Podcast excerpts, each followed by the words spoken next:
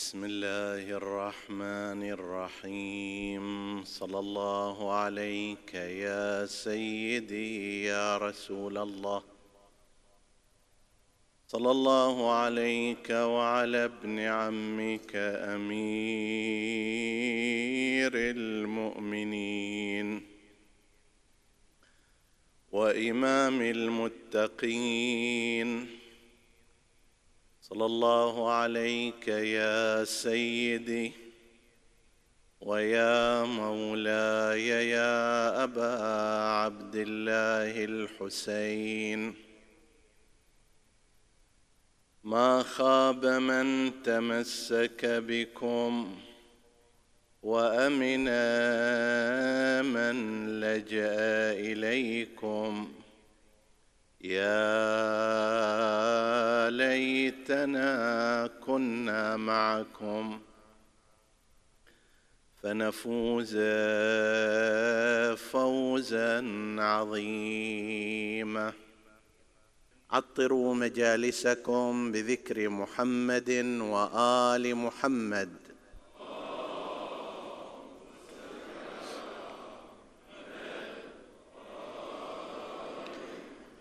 اللهم صل على محمد وآل محمد.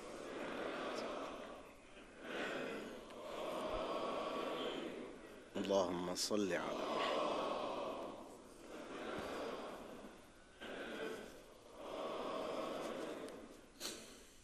قال الله العظيم في كتابه الكريم بسم الله الرحمن الرحيم.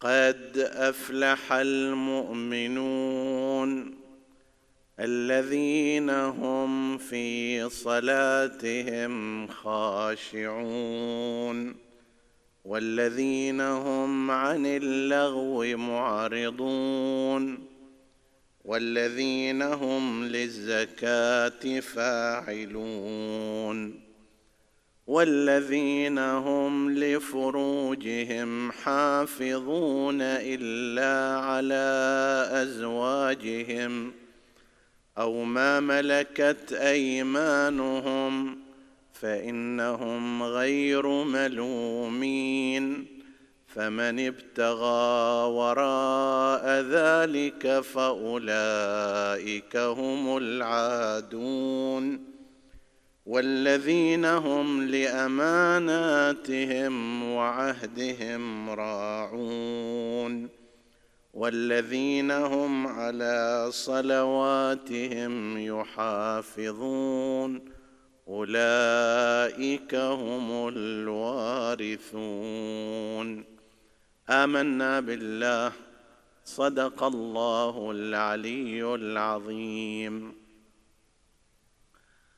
حديثنا بإذن الله تعالى بعنوان سيرة ذاتية توصلك إلى الجنة. دأبت المؤسسات والشركات في هذه السنوات لكي توظف إنسانا أن تطلب منه سيرة ذاتية. يبين فيها صفاته وإمكاناته وكفاءاته. وبناء على ذلك هم ينظرون اولا إلى هذه الصفات وهذه الكفاءات قبل أن ينظروا إلى اسمه وإلى منطقته وما شابه ذلك. هذا في الحالات العادلة. فإذا وجدوا شخصا حائزا على الاشتراطات التي وضعوها للوظيفة الكذائية يقبل من خلال هذه السيرة الذاتية. إذا لم يتوفر فيه هذه الصفات سواء كان كبيرا أو صغيرا أو من القبيلة الفلانية أو من المنطقة الفلانية الأصل الاولي أنه لا يقبل إلا بتدخل خاص.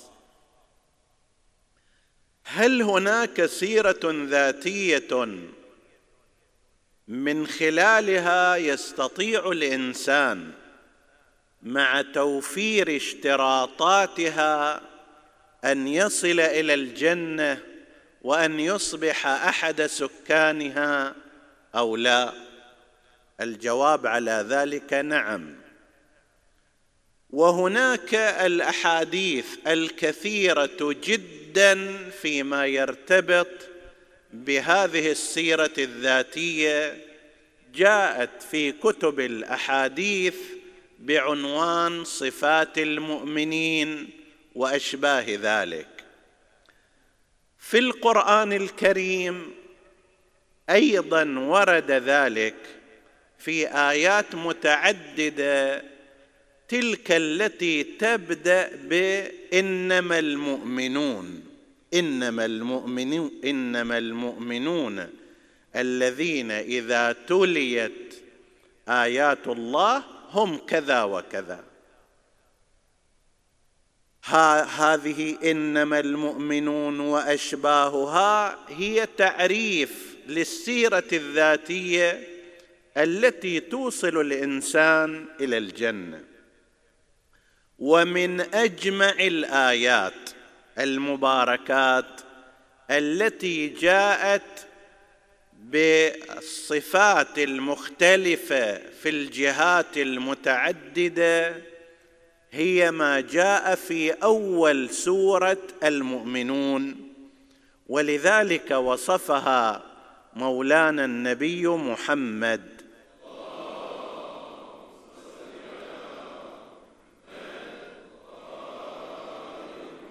بالقول نزل علي عشر آيات من أتى بهن دخل الجنة. طبعا هذا ما ينفي سائر الأحاديث والروايات لأن هذه تشكل طريق تلك تشكل طريق آخر. هذه تناقش الموضوع من زاوية تلك من زاوية أخرى. لكن كأن هذه الآيات المباركات العشر بمقتضى إشارة رسول الله صلى الله عليه وآله أجمع الآيات يعني سائر الآيات ممكن تتعرض إلى جهة. إذا تليت عليهم آيات الله خروا خشعا وبكيا مثلا أو ما شابه ذلك. إذا تليت عليهم آيات الله زادتهم إيمانا وأمثال ذلك. بس هذه الآيات العاشر تتناول جهات مختلفة نتعرض إليها ولو على سبيل الاختصار ونسأل الله سبحانه وتعالى أن يعيننا على تطبيقها في حياتنا حتى نصبح مؤهلين لدخول الجنة مع محمد وآل محمد.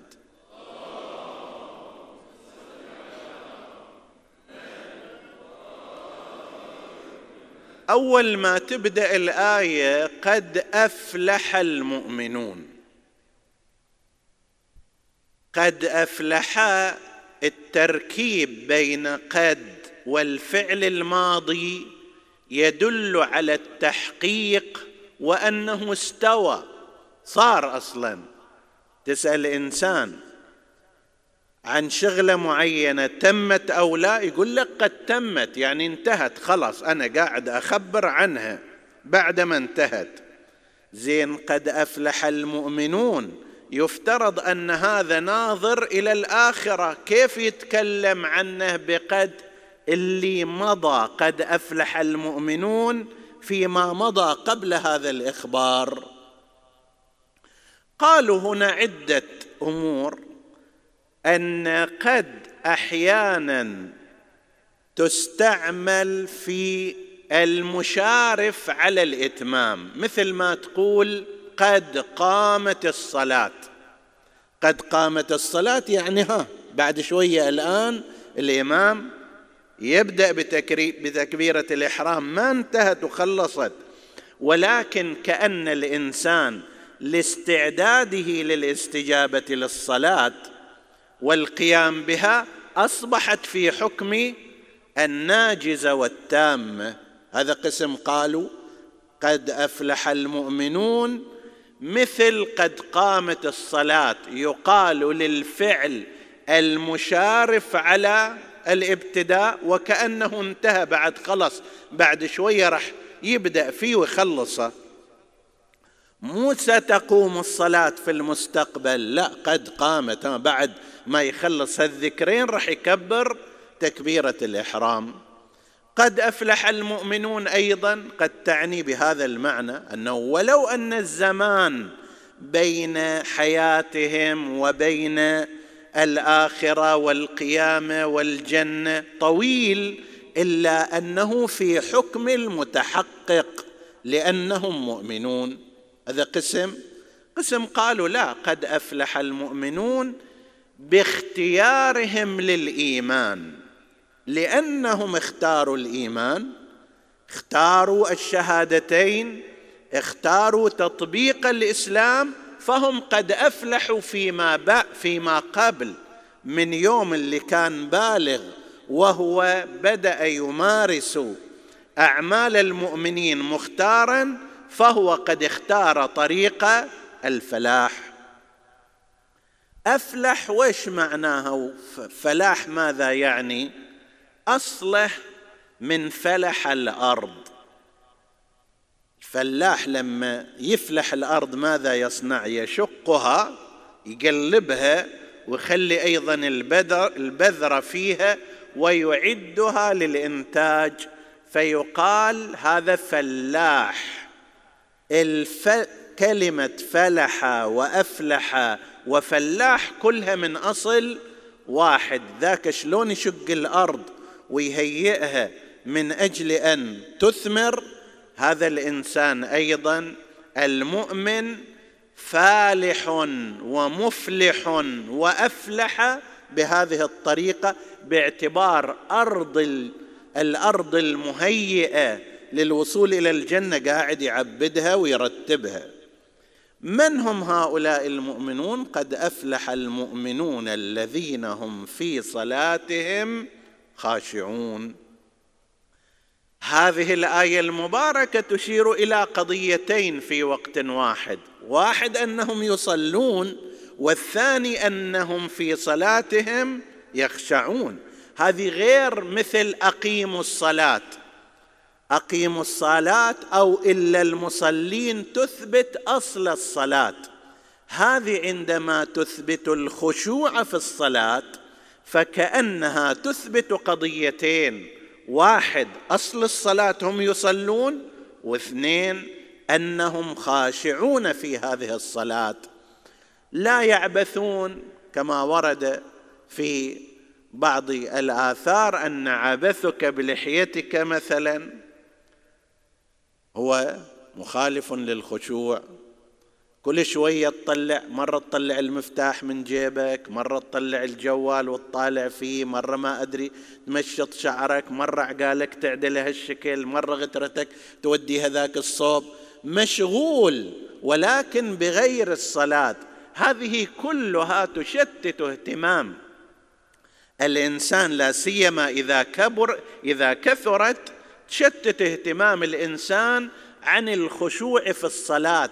عندما يقول الله أكبر ويتأمل فيها عندما يقول سبحان الله أو سبحان ربي الأعلى أو الحمد لله أو يتفكر في آيات الفاتحة والسورة يحتاج أن يركز اهتمامه وانتباهه فيها فلا يلهيها بشيء آخر.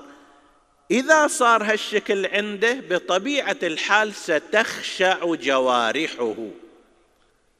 الخشوع والخضوع وإن بعضهم فرق بينهم قال الخشوع هو حالة نفسية والخضوع حالة بدنية. شلون تسترخي إيدك تنهدل حسب التعبير هذا خضوع. لكن نفسك عندما تكون خاشعة هذه جهة نفسية. لاحظوا هنا في هذه الآيات المباركات بدأ بالصلاة وختم الآيات العشر بالصلاة أيضا. النبي صلى الله عليه وآله يقول عشر آيات من أتقنها أو جاء بها أدخلته الجنة وصل إلى الجنة وأمثال ذلك من التعابير. هذه تبدأ بالصلاة وتنتهي بالصلاة. أول شيء قال الذين هم في صلاتهم خاشعون وآخر شيء والذين هم على صلواتهم يحافظون. أي آخر آية. حتى يبين أن مبدأ الدين ونهايته هي في الصلاة. لا تستسهل أيها الأخ المؤمن أيتها الأخت المؤمنة بقضية الصلاة لا في أصلها ولا في وقتها وكل ما تقدر تزيد فيها هي بالنسبة لك حزام عن الوقوع في شرك الشيطان. لا يزال الشيطان خائفا من ابن آدم ما أدام الصلاة. فإذا ترك الصلاة اجترأ عليه. خلاص بعد استلم هذا. كيف يجترئ الشيطان على الإنسان من طريق الصلاة؟ أول شيء يقول له أنه شو الداعي إلى أن تصلي جماعة؟ صلاتك صلاتك يمكن وحدك أكثر خشوع. وهذه خديعة من خدائع الشيطان وخدعه يقول لك هذول هذا الإمام الجماعة يمكن ما يعرف يقرأ القراءة زين الضاد والضاد وتنوين والتجويد وكذا وهاي فد مشكلة من المشاكل الجديدة اللي عند قسم من الناس. إذا تعلم اله شوية في أحكام التجويد اعتبر كل أئمة الجماعة ما يعرفون يقرؤون وإذا ما يعرفون يقرؤون خلص بعد. صلاة وياهم صحيحة. فيبدأ يفتي لنفسه وآنئذ يعاف صلاة الجماعة لأنه يعتبر نفسه بس هو اللي قاعد بس هو اللي يعرف يقرأ القراءة بشروطها وقيودها. أما أئمة الجماعات فلا يعرفون وإذا كان كذلك خله هو يصلي بقراءة سليمة وصحيحة. وهذه غير صحيحة هاي الفكرة. غير صحيحة لا من الناحية الفقهية. ولا من الناحية الأخلاقية. من الناحية الفقهية أساسا لم يثبت في قضية التجويد إلزام شرعي إلا في بعض المسائل البسيطة جدا وعلى أساس الاحتياط الوجوبي. الآن إحنا مو في كلامنا فيها. تحدثنا عن هذا الموضوع قضية التجويد والموقف منه.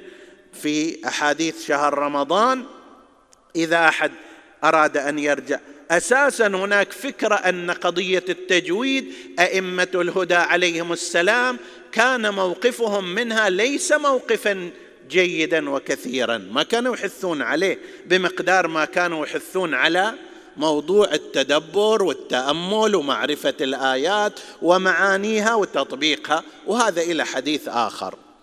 فأحيانا يجي الشيطان من هنا يقول لك أنت قراءتك أحسن من ذاك إمام الجماعة. ليش تروح تصلي جماعة؟ يمنعك عن الجماعة.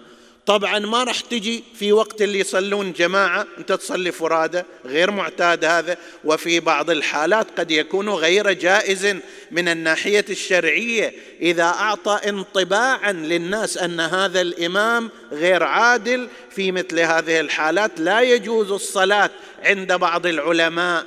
في المسجد حين إقامة صلاة الجماعة إذا أعطت انطباعا للناس أن هذا غير عادل إمام الجماعة. فاذا صلاة الجماعة طلعها الشيطان من ذاك الصوب. المسجد هم واحد ما يجي في وقت الصلاة. غير وقت الصلاة هم ثقيلة عليه. راح صلاة الجماعة وراح المسجد وياها. طيب يجي بعدين إلى نفس الصلاة.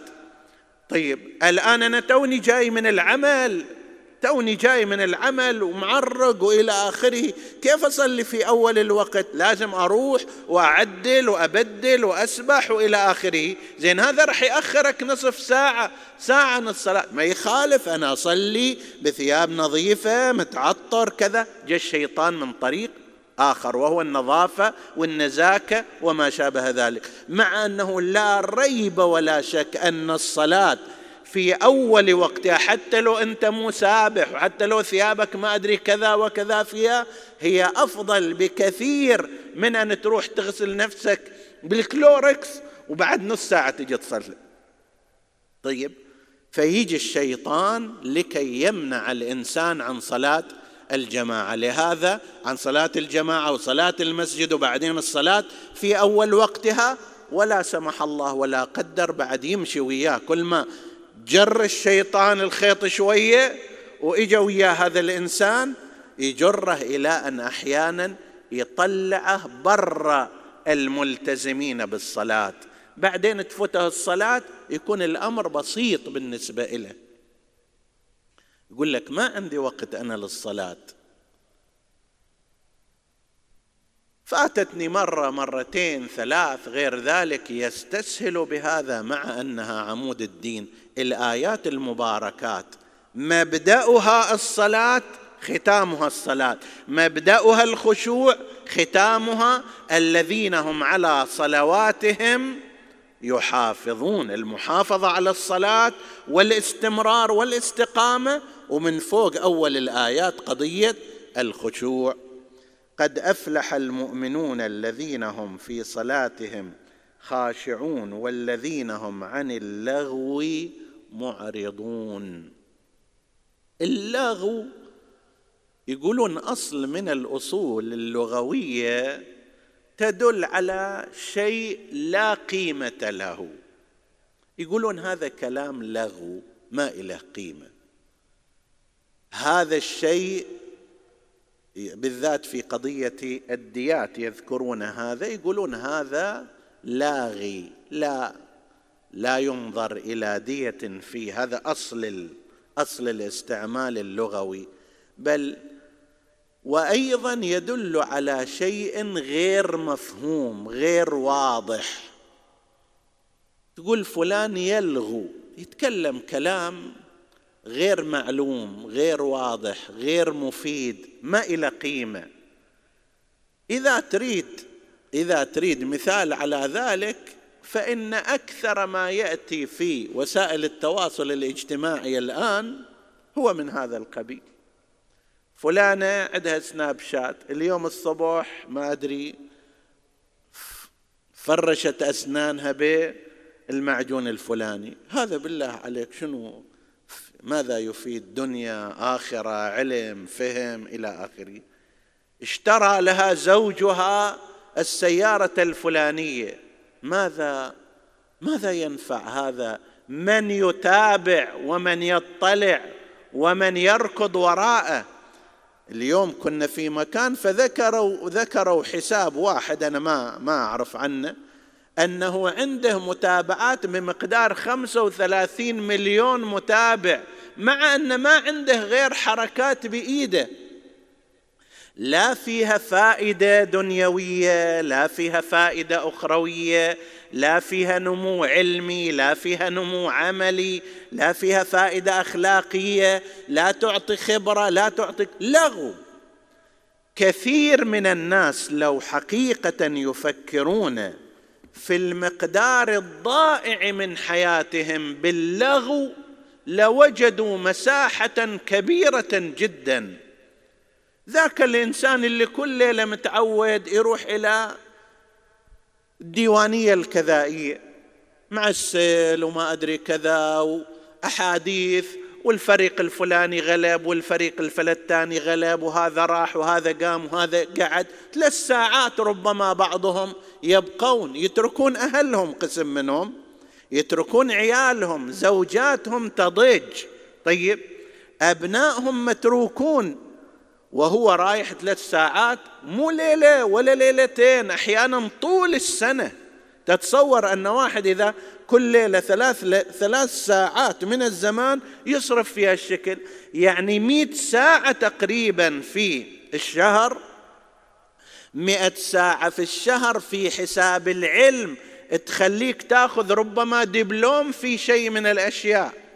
في حساب الثقافة معناها كذا من الكتب أنت مطالعنها ومستفيد. في حساب التربية لو خليت هذا على أولادك وعلى أهلك وعلى من من يحيط بك شيء كثير من التربية أعطيت لهم. في التجارة مئة ساعة شغل في التجارة تربحك اموالا كثيرة. ويا ليت مثلا مجلس فيه فائدة الليلة لنفترض نتكلم في جهة علمية. جيد. ما في مشكلة. أنت تعال طالع الكتاب الفلاني ولخص إلينا وياه ونتناقش فيه. هذه جلسة مفيدة. ساعة ولا ساعتين. الليلة الأخرى ما أدري في الجهه الكذائيه الاجتماعية. طالعوا نطالع وخلينا نفكر في هذا الموضوع. الليلة الثالثة نخطط لقضية فيما بيننا في أنفسنا. أولادنا شلون نربيهم؟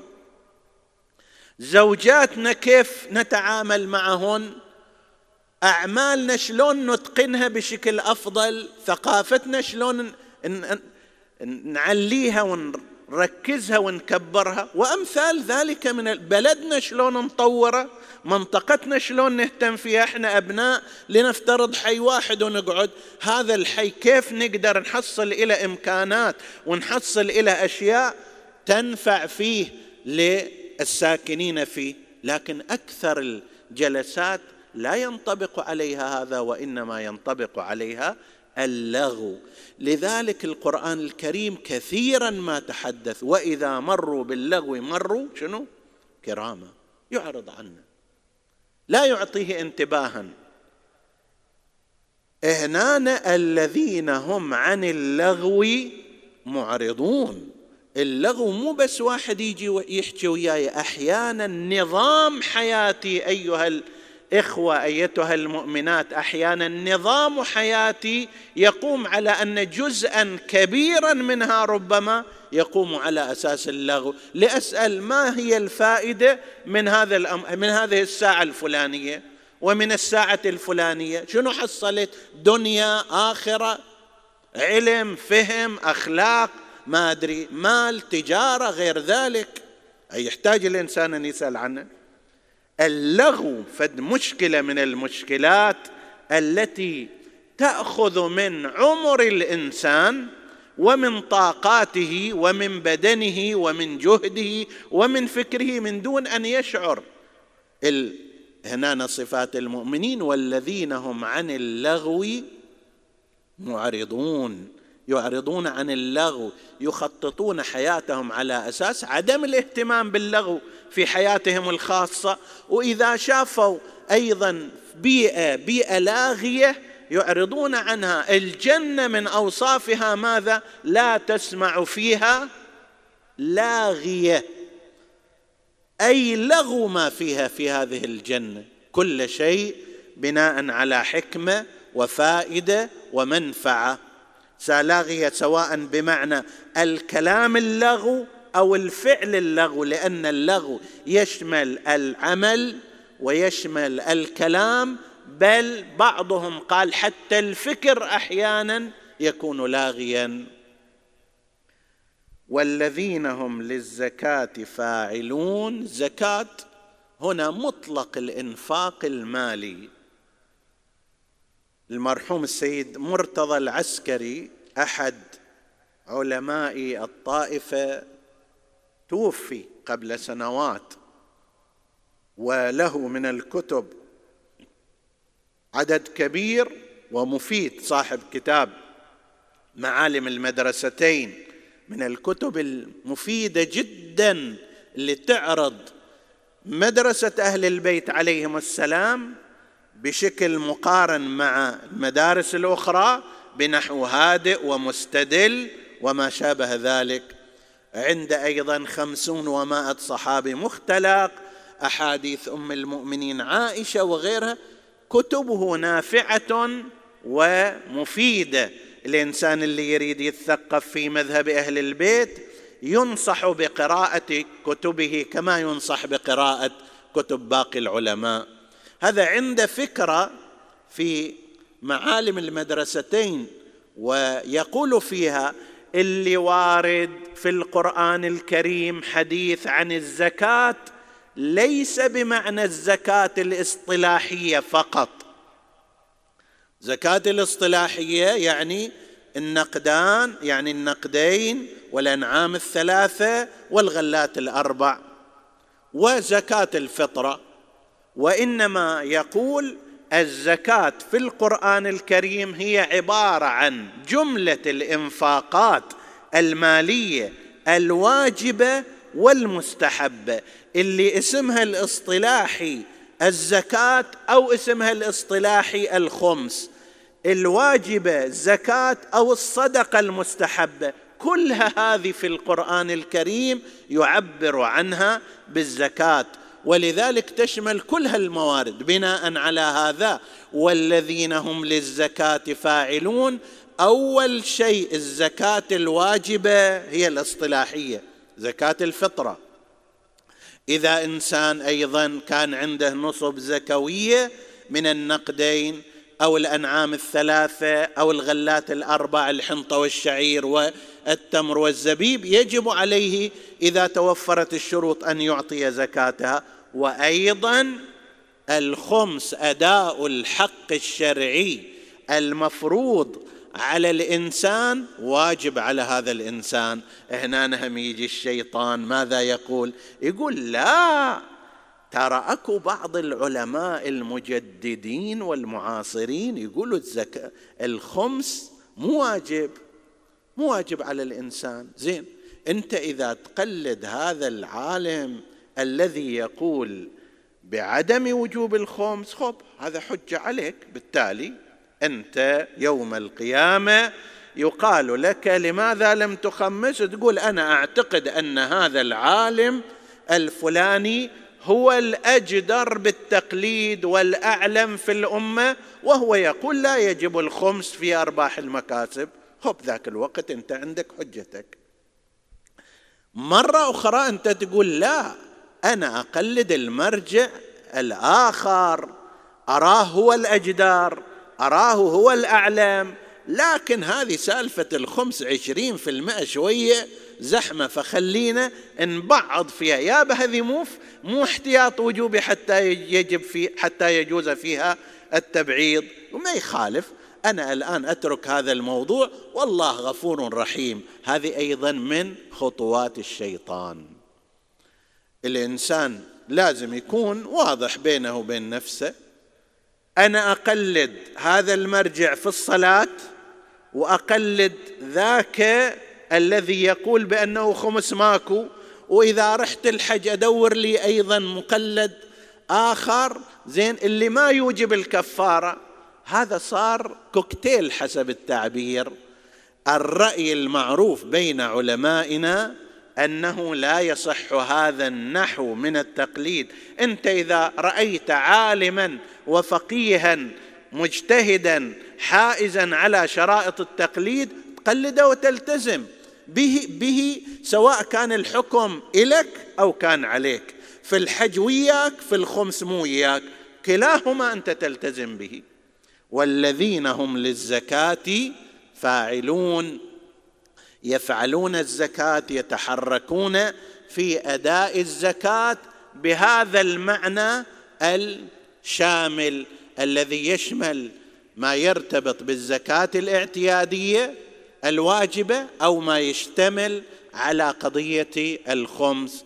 إحنا تحدثنا في إحدى في أحد الأحاديث في بل في ثلاثة أحاديث حول موضوع الخمس في أرباح المكاسب هل إله كان في زمان المعصومين لو ما كان بدءا من نبينا المصطفى إلى آخر الأئمة المعصومين عليهم السلام؟ والآن مو وقتا واحد يفصل وإنما كان على سبيل التمثيل. والذين هم للزكاة فاعلون والذين هم لفروجهم حافظون إلا على أزواجهم أو ما ملكت أيمانهم فإنهم غير ملومين.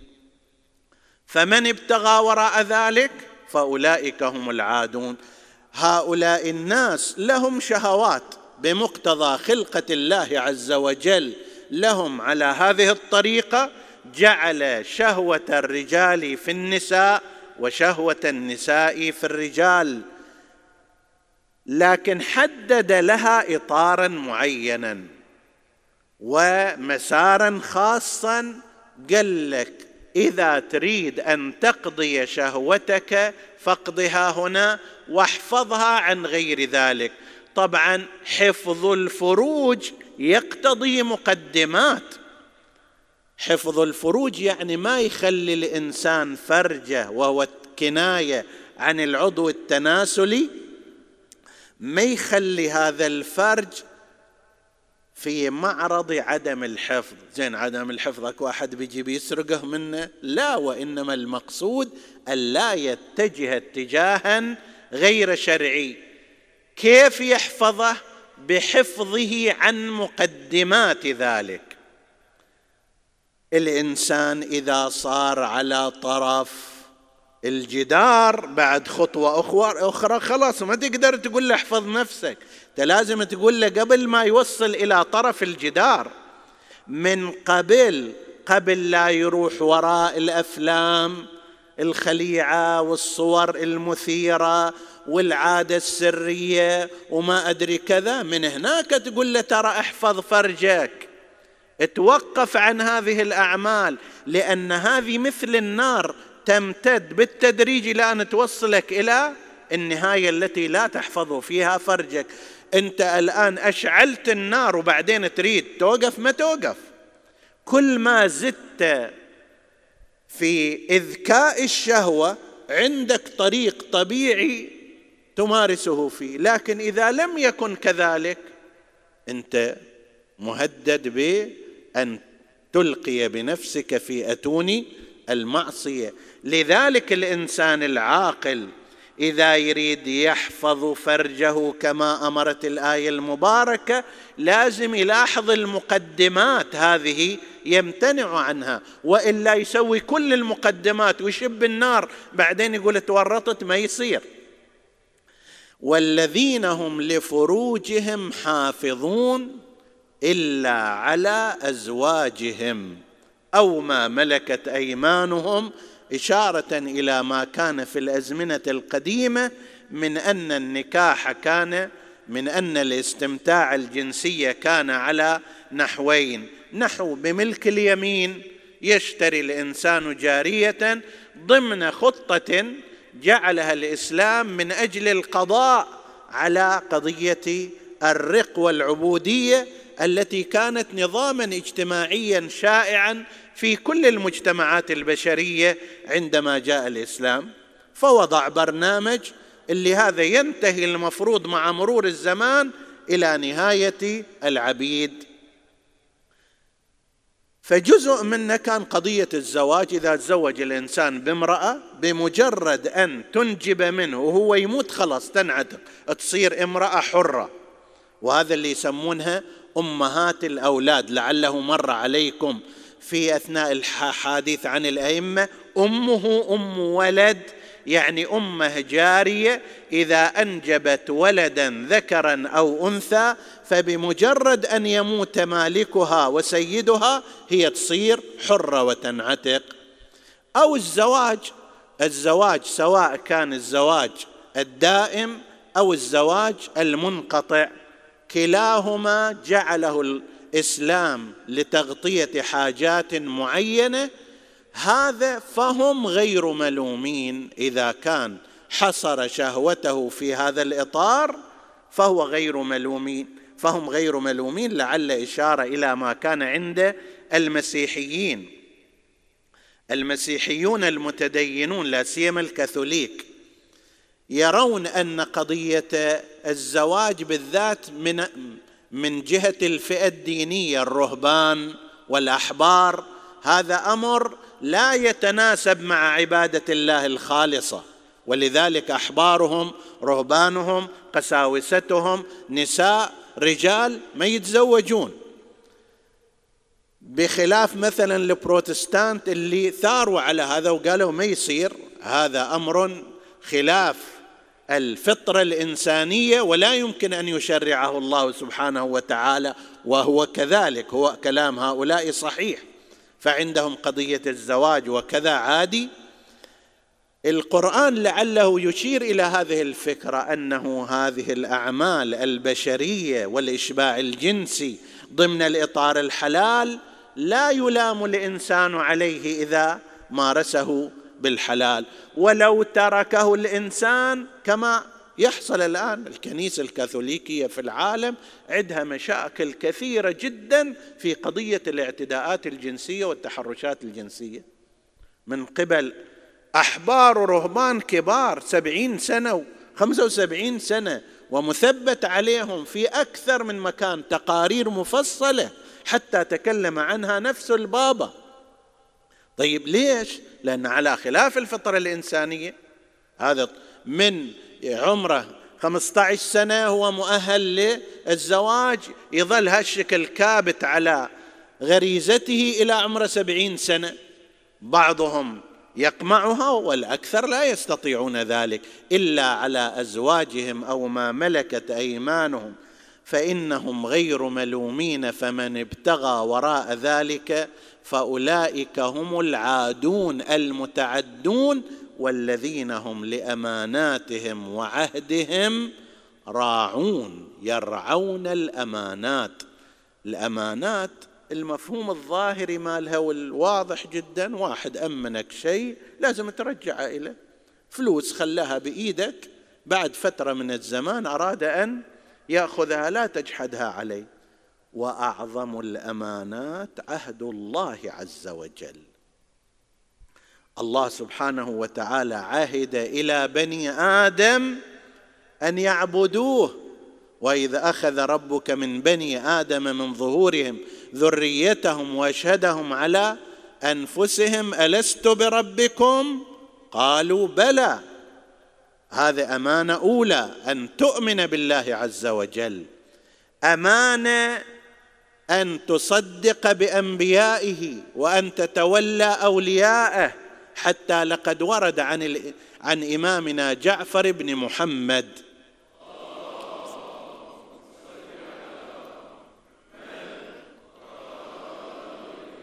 في الآية المباركة إن الله يأمركم أن تؤدوا الأمانات إلى أهلها قال هي الإمامة. اعترف لهذا الإمام بإمامته وفسرت أيضا بنحو آخر وكلها صحيحة أنه الإمام السابق ينص على الإمام اللاحق ويسلمه مواريث الإمامة. فهذا أمر إلهي والذين هم لأماناتهم وعهدهم راعون والذين هم على صلواتهم يحافظون. نسأل الله سبحانه وتعالى أن يجعلنا وإياكم من أصحاب هذه الصفات وأن يحشرنا مع أئمتها الذين كانوا هم في مقدمة الركب. أئمة أهل البيت عليهم السلام هم أئمة أهل هذه الصفات وهم المتقدمون على كل أحد ولذلك اختصهم الله تعالى بالإمامة.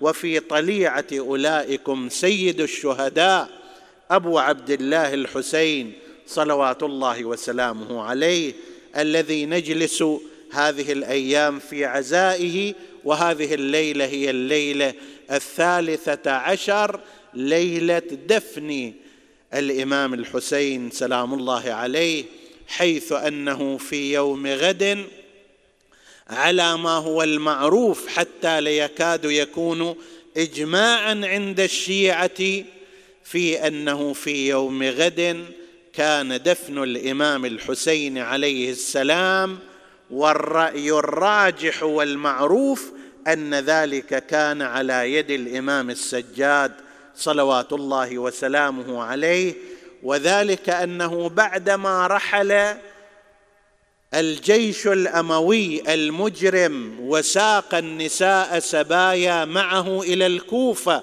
وترى بينما دفنوا تلك الجثث العفنة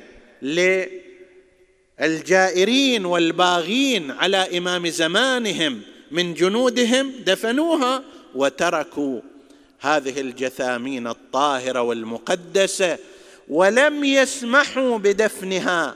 ما سمحوا يعني لا هم دفنوها ولم يسمحوا لأحد بأن يدفنها. فبقيت هذه الجثامين الطاهرة والأجساد المقدسة على الرمضاء. نعم مثل بني رياح أخذوا الحر الرياحي بعيدا عن رد الخيل وما شابه ذلك لكن جسد الحسين واصحابه وأصحابه قد بقيت على الرمضاء. لكن أراد الله سبحانه وتعالى الا يتولى دفن الحسين إلا إمام مثله وأن لا يمس ذلك الجسد وأن لا يتكفل به إلا زين عباد الله الإمام علي بن الحسين. سلام الله عليه.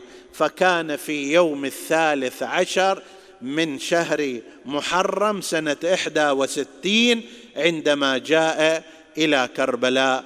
الرواية تقول أن بني أسد الذين أجلاهم الجيش الأموي وأبعدهم عن كربلاء خوفا من أن يلتحقوا بالحسين لما دعاهم حبيب ابن مظاهر الأسدي وأراد قسم منهم أن يأتوا جرد عليهم عمر بن سعد حملة وقال لهم إما تنزحوا من هذا المكان أو نقاتلكم هنا. هذا كان ليلة العاشر. فنزح هؤلاء مع عيالهم مع نسائهم مع أطفالهم مقدار لعله ستة سبع كيلومترات بعيدا عن الواقعة. إلى أن صار يوم الثالث عشر من محرم. هذول شافوا هاليومين ماكو أصوات أصوات الخيول وأصوات الحرب والطبول هدأت وخفتت. إضافة إلى ذلك مكان الشريعة في هذه الجهة أقرب إليهم فأرسلوا نساءهم كما ورد في الروايات إلى جهة الشريعة لكي يستقوا الماء ولكي يستطلعوا الخبر وماذا حدث بعد هذه المعركة. فجاءت النساء لكي يستقين من شريعة الفرات ولكي ينظرن ماذا حدث وما, جرى وينقلن الأخبار.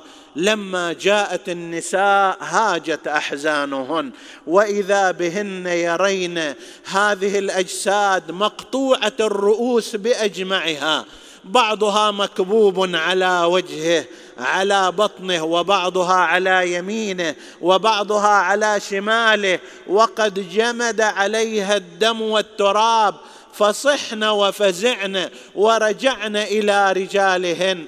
إحنا قصدنا المشرعه وجينا المعاره وشفنا جسد مطروح وتركنا حياة. آه يما ولد مثل البدر نوري تلاله كثر الضرب والطعين ما غير جماله. ما تنحص جروحه مقنطر على شماء الله يساعد قلب هل فقدت هالاثنين وفطر مرايرنا جسد يم الشريف مصروع لكن ذبحته يا والله فجيع.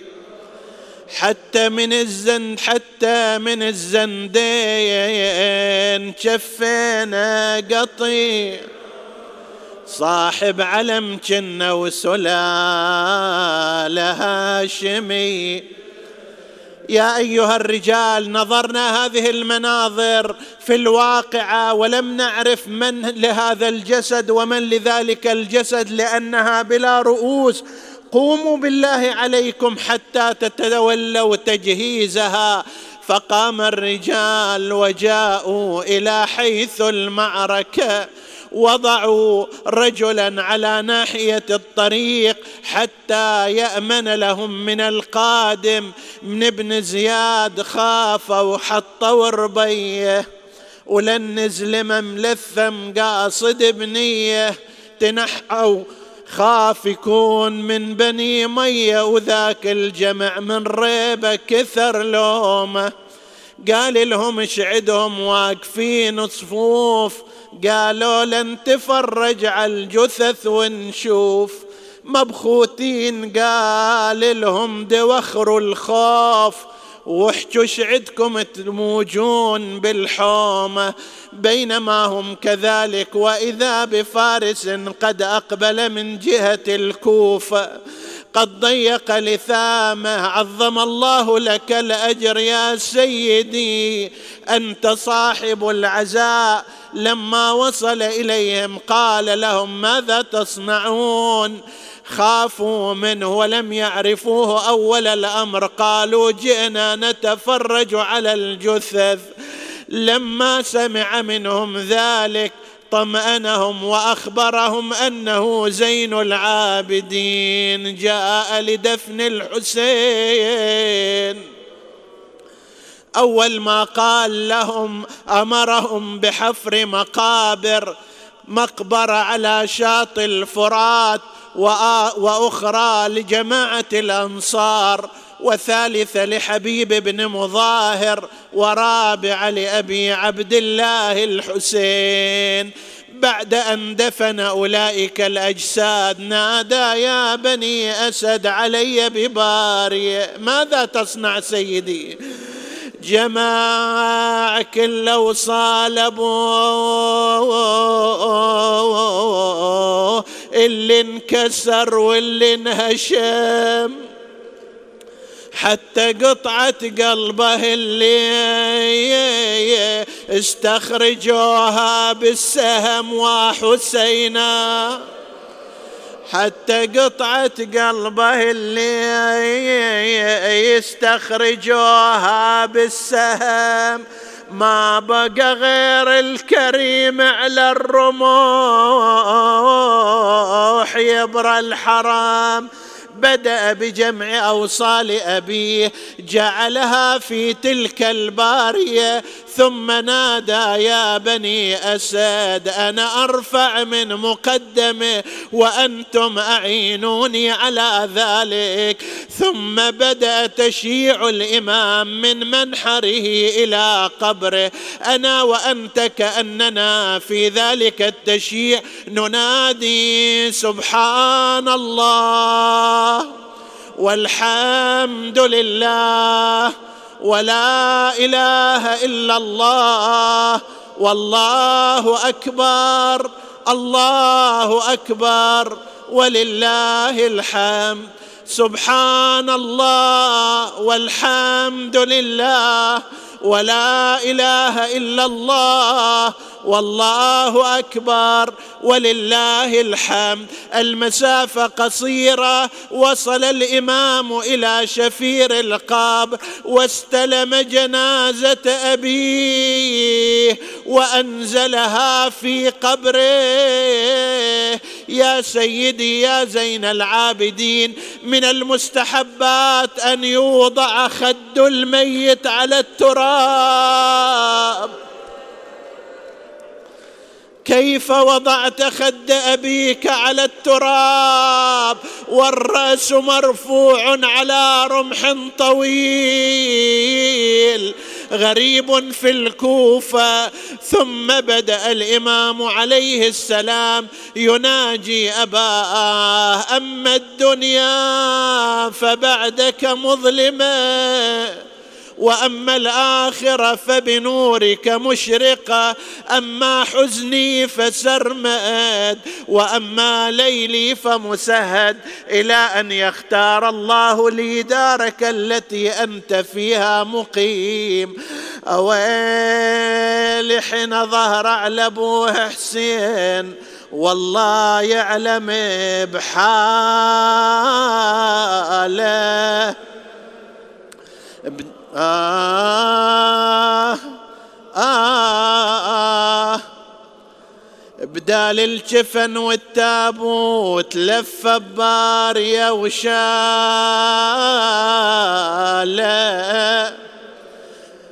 آه آه لو قلنا الجسد لما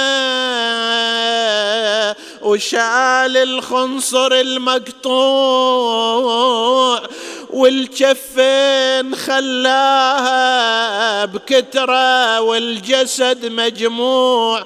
هذا الجسد وين الراس؟ راس على الرمح مرفوع. يتهادوه يا ويلي ومن قلوبهم يشفون. ما إن بقيت من الهوان على الثرى ملقا ثلاثا في ربا ووهادي يا الله.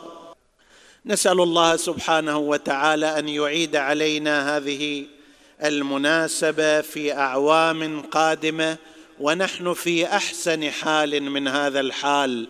وقد كشف البلاء عن العباد والوباء عن الناس وعادت إليهم حياتهم العادية حتى يستطيعوا أن يقيموا هذه المجالس والمحافل بصورة أفضل مما كانت عليه مع أنها كانت صورة فاضلة. أسأل الله سبحانه وتعالى لجميع من حضر قضاء الحوائج وأن يشفي جميع المرضى لا سيما المرضى المنظورين ومن أوصانا بالدعاء. اللهم اشفهم بشفائك وداوهم بدوائك وعافهم من بلائك بمحمد وآله أوليائك. وتقبل الله أعمالكم جميعا وشكر الله سعيكم. تفضلوا.